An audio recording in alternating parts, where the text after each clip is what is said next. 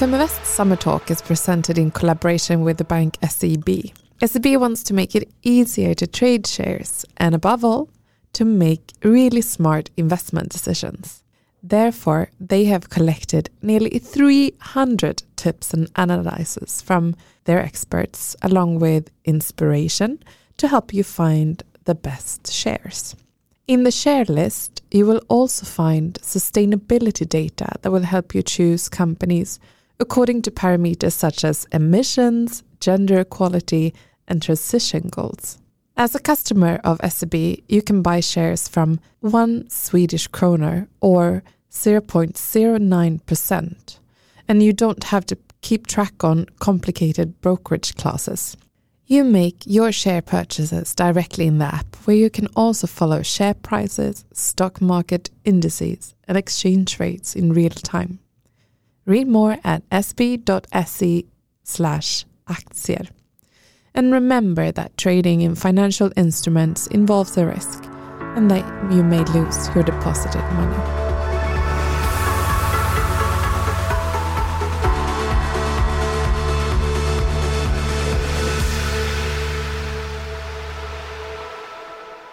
Daddy, please, can I rent a horse this summer?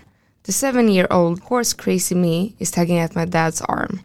The answer comes quickly Yes, if you pay for it yourself. My name is Amanda Thorén, and this is my summer talk.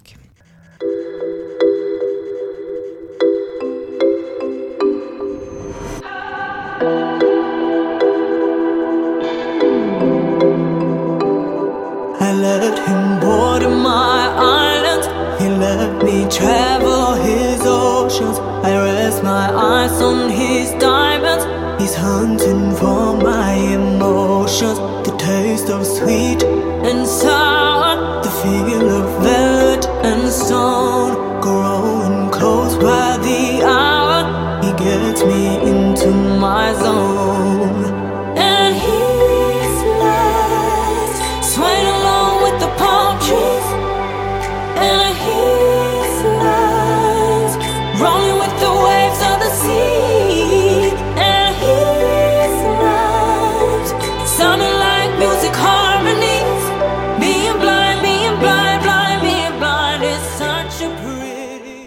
Earning my own money and being able to do what I want without depending on anyone has been one of my biggest motivations since I was a child. I have always strived to be able to do exactly what I want and without anyone saying, no, it's not possible. To be completely honest, such a statement has always been motivating. What says it's not possible? Everything is possible. You just have to find the right way forward. My childhood was anything but calm.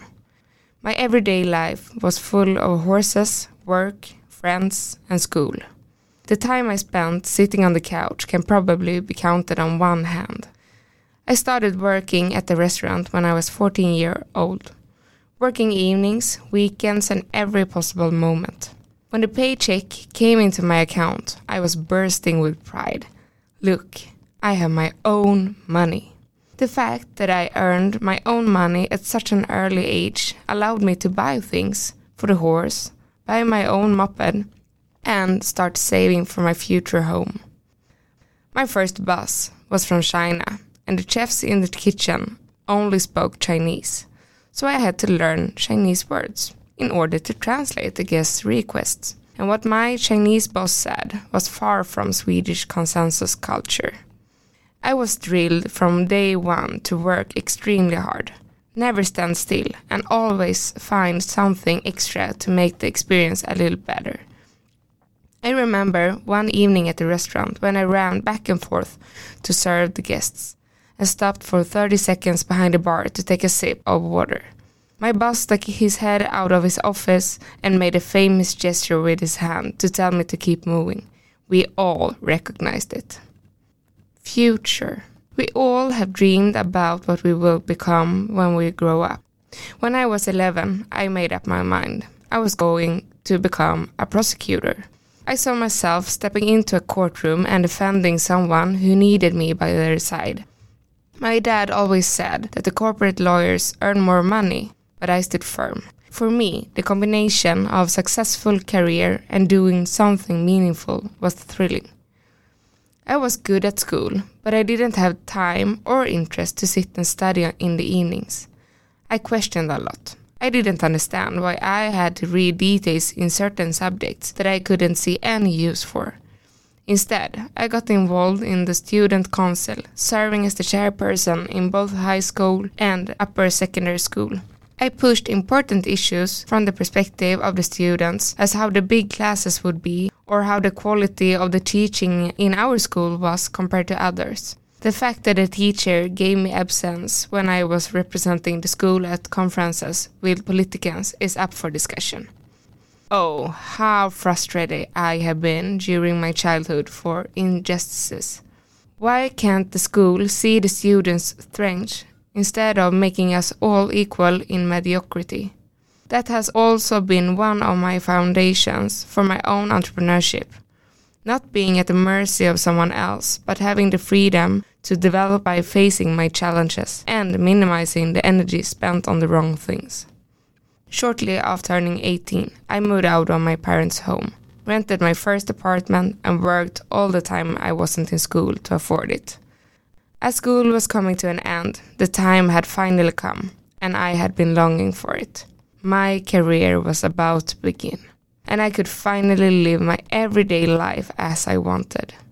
The dream of becoming a prosecutor was still strong, and I was just going to take a job to earn some money before starting studies. Nervous and stressed in a newly bought shirt and black pants, I walked into my first real job interview. I had already met the CEO, who had just started a staffing agency, and now I was going to meet the owner. I was so nervous, sweat drops on my lips, and I had studied interview questions around the clock. I entered and sat down in the conference room. The owner got straight to the point. Yes, Rakel here has already sold you to us. So, well, there's not much for me to say. When can you start? This was March 16, 2012, and I had two long months until graduation. Inside, I was overjoyed and I could barely bring myself to say that I haven't even graduated yet. What I managed to say was, Yes, um, soon, uh, but I will be a bad investment for you. I'm going to be a prosecutor and start studying as soon as I have earned some money. The owner and Rakel started laughing a little and winked at each other. Then they say, Well, we will see how it turns out. Rakel had seen herself in me, and she was right. University studies were not in the cards for me. Five years later, we broke our highest record.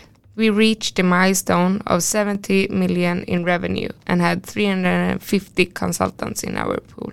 The euphoria was immense. I knew it. We would make it. We had worked like animals, putting in long hours and building a business.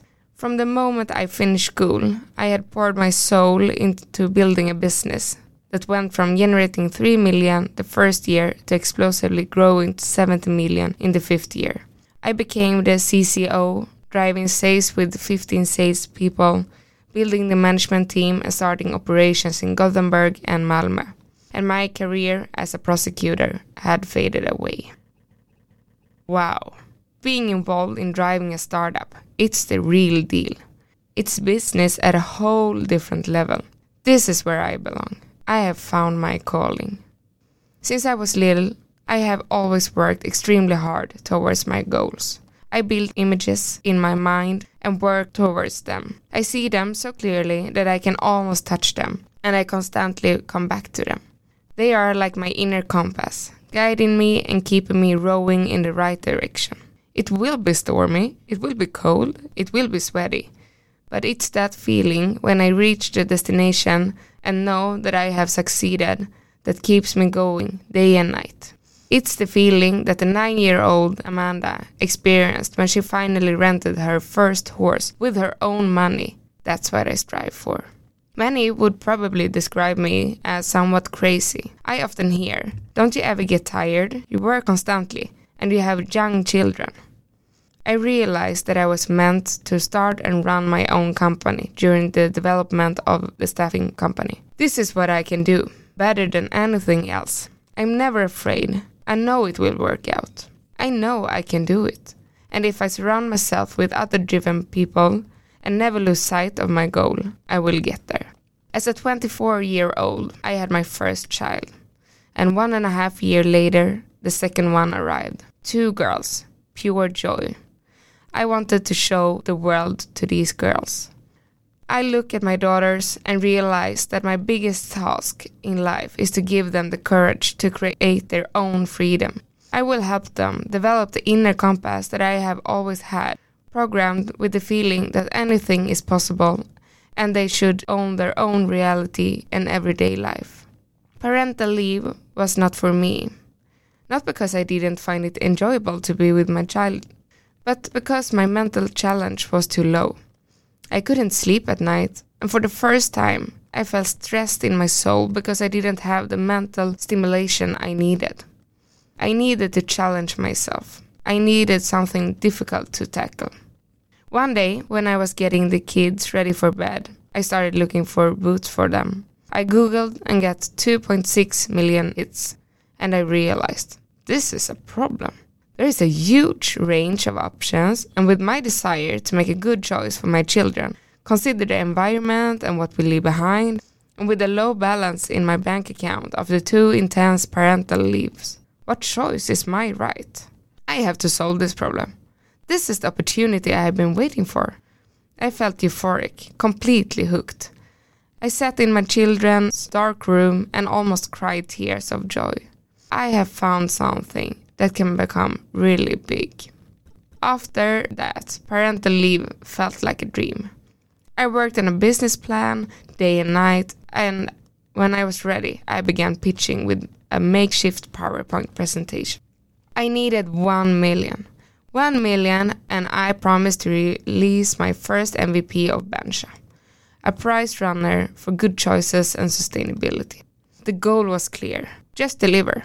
Things like hiring a team, getting everything up and running, starting to design a prototype, or, yeah, translating my makeshift drawings on paper.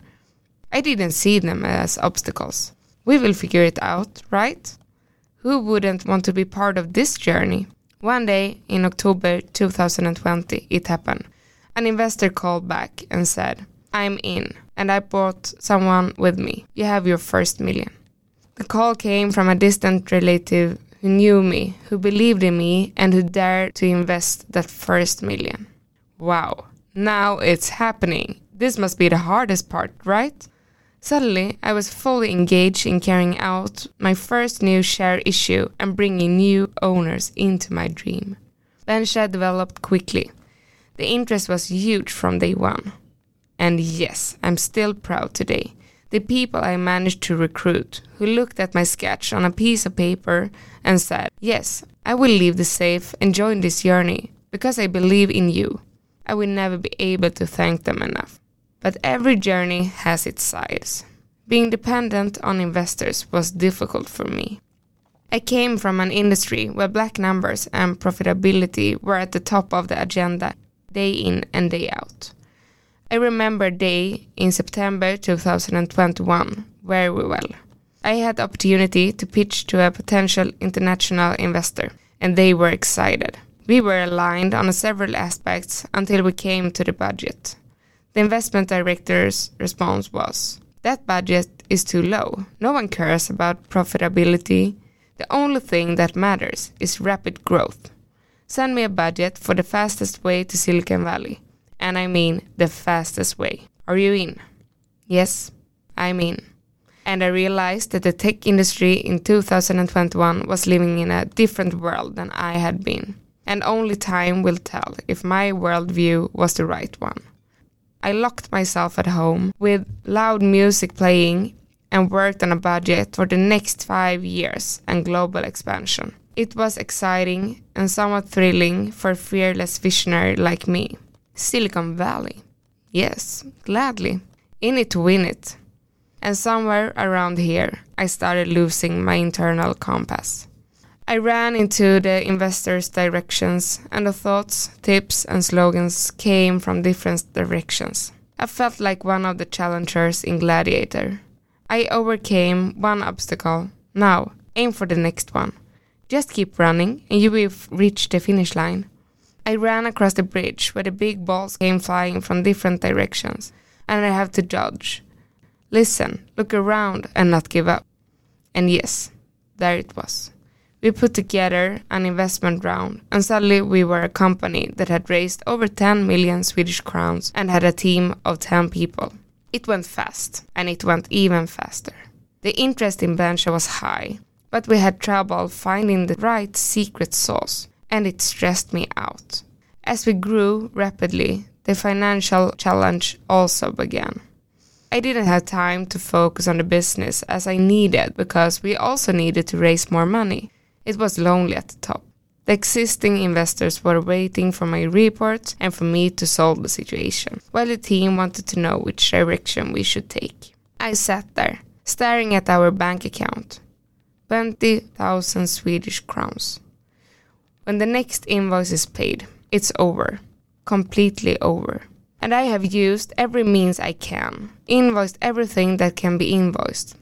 Investors have injected additional capital and suppliers have extended payment terms. I realized that I need to take more action. But how? We launched our real platform in April 2022. In conjunction with that, we were supposed to have an investment round to make a big launch. Everything felt positive. I met 70 investors within six weeks. At most, I probably had 10 meetings in a day. Now, in retrospect, I can ponder how it was even possible. I thought I could handle this. There are so many opportunities out there. The loneliness when running a company is tangible, but it's self chosen. I don't thrive in physical solitude, but I have no problem with mental solitude in difficult decisions. Most of the answers can be found. It's just a matter of searching in the right places.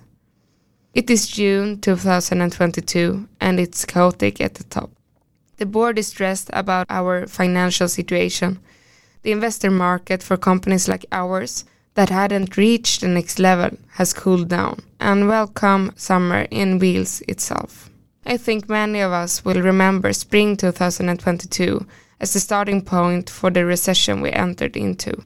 I had to apply the brakes firmly, lay off people, forgo my salary, and borrow the last money I had in my savings account. And now we are here. September 2022. I'm lying at the couch in the office, staring at the ceiling. What should I do? I see no light at the end of the tunnel. I look to my right, where my last colleagues also are sitting. And the air has been sucked out of us. It's one big mess. We feel like we are the last ones remaining at the boat. The big ship we were steering has run aground. Everyone took the lifeboats, and we are the only ones left, hoping that we still can bail out the water and get back on track. We have worked around the clock all summer, doing everything in our power to not end up here. And then I check my phone. Shit, it's one o'clock. In one hour, I have a meeting with some of my biggest idols, entrepreneurs from some of Sweden's most successful companies who have booked an hour with me where I will pitch Bencha. If it had been six months earlier, I would bounce with joy. Now, the anxiety in my stomach is enormous. I go there with a sense of this being the chance, my only chance to save my baby.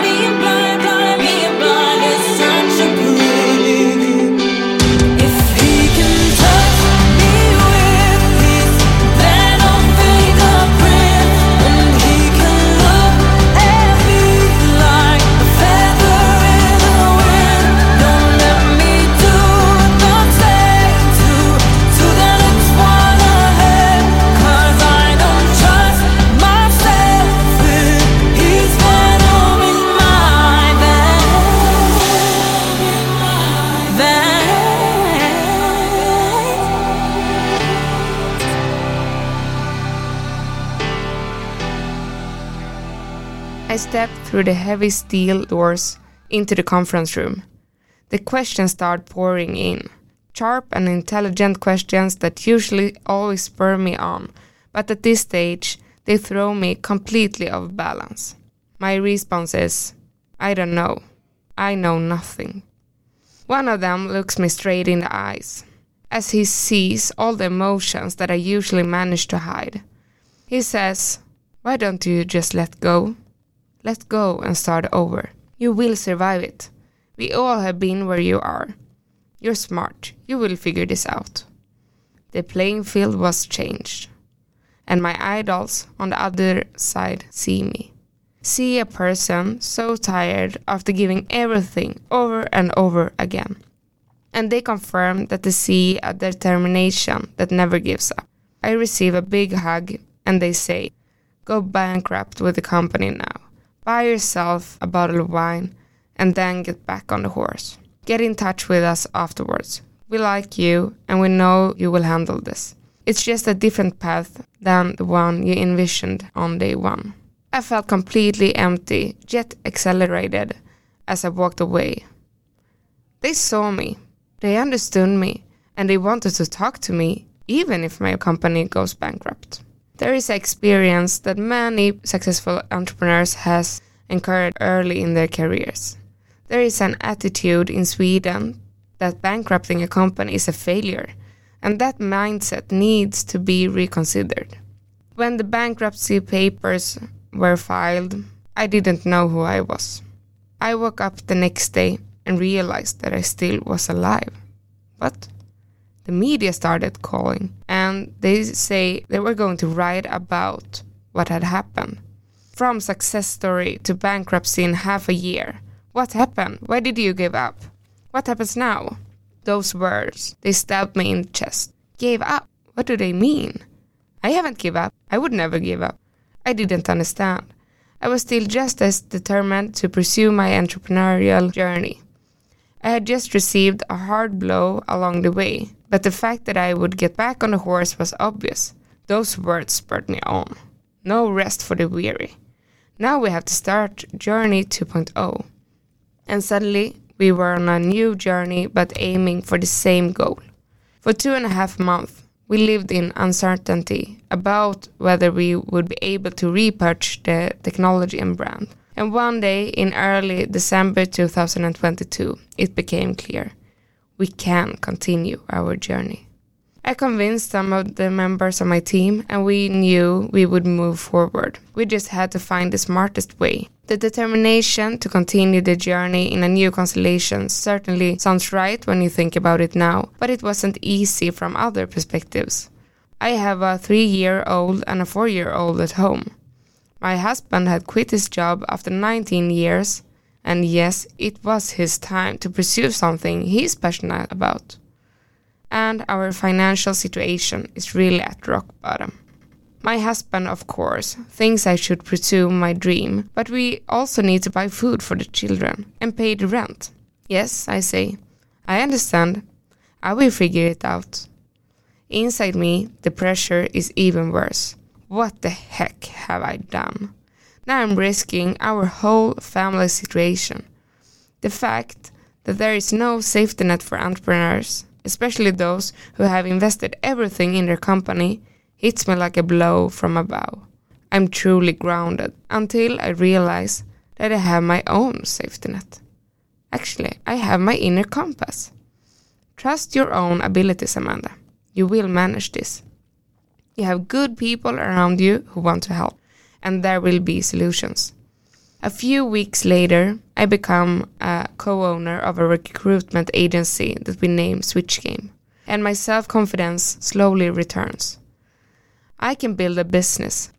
We quickly generate revenue and I can finally breathe a sigh of relief. For the first time in almost nine months, money is coming into my account.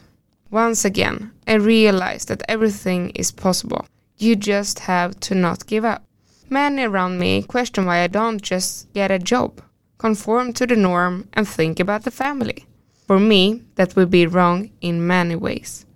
What I'm doing now is for the family, for our long term freedom, and for us to live the life we want. I'm probably different from many others. Taking a job scares me. Jumping into an organization that someone else has built feels intimidating. I know how much each founder has put into getting the company where it is, which makes it overwhelming to step in and deliver on someone else's playing field. On the other hand, striving every day to achieve my own goals gives me the most wonderful feeling when the invoice is sent. I love supporting other entrepreneurs, and a big dream of mine is to be able to reinvest both time and money in other entrepreneurial journeys. Money and numbers have always given me a sense of security. If I can see them, they exist. Numbers cannot be questioned, 100 Swedish crowns is 100 Swedish crowns, no matter who is looking. Many talk about freedom and what it means, which is different for everyone. For me, it's clear that financial freedom provides opportunities, and societal norms motivate me even more to show that it's possible. The fact that only 1% of venture capital goes to female founded companies or that women on average earn 92% of what men earns makes me determined to drive change by myself. Once again, I feel the frustration of injustice. When I visualize my future, I want to help more people pursue their dreams, provide the conditions for it, and open the doors to drive their own development. Starting a company where we can raise capital, hire and include women on equal terms as men, and eventually reinvest to drive change is important for me. My mom has always been a source of inspiration. She has fought hard throughout my childhood to give us a good life. And besides her entrepreneurial drive, she has a heart of gold. The fact that she shows that love, energy, and grit can help you handle anything has made my compass always want both aspects. Money motivates, but without love or joy, money is meaningless. Money is just a way to create the life you want, because who doesn't want to live a rich life? Now I have just turned 30 and I have experienced more than many have in their entire working life. With ownership in three companies, a bankruptcy behind me, my journey 2.0 has just begun. I look back at fearless Amanda, nine years old, without a care in the world, who gets to rent her horse and even got return of her investment. And I knew I will experience that again. Just wait. And my beloved girls at home, I will show you that girls can, because they can, and the rest is written in stars. I hope I've been able to inspire you and thank you for listening to my summer talk. The music in this summer talk is by the artist Elin Breitholtz with the song Venom in My Veins.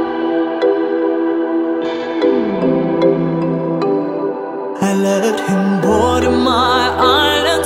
He let me travel his oceans. I rest my eyes on his diamonds. He's hunting for my emotions. The taste of sweet and sour, the feel of velvet and stone. Growing close by the hour, he gets me into my zone.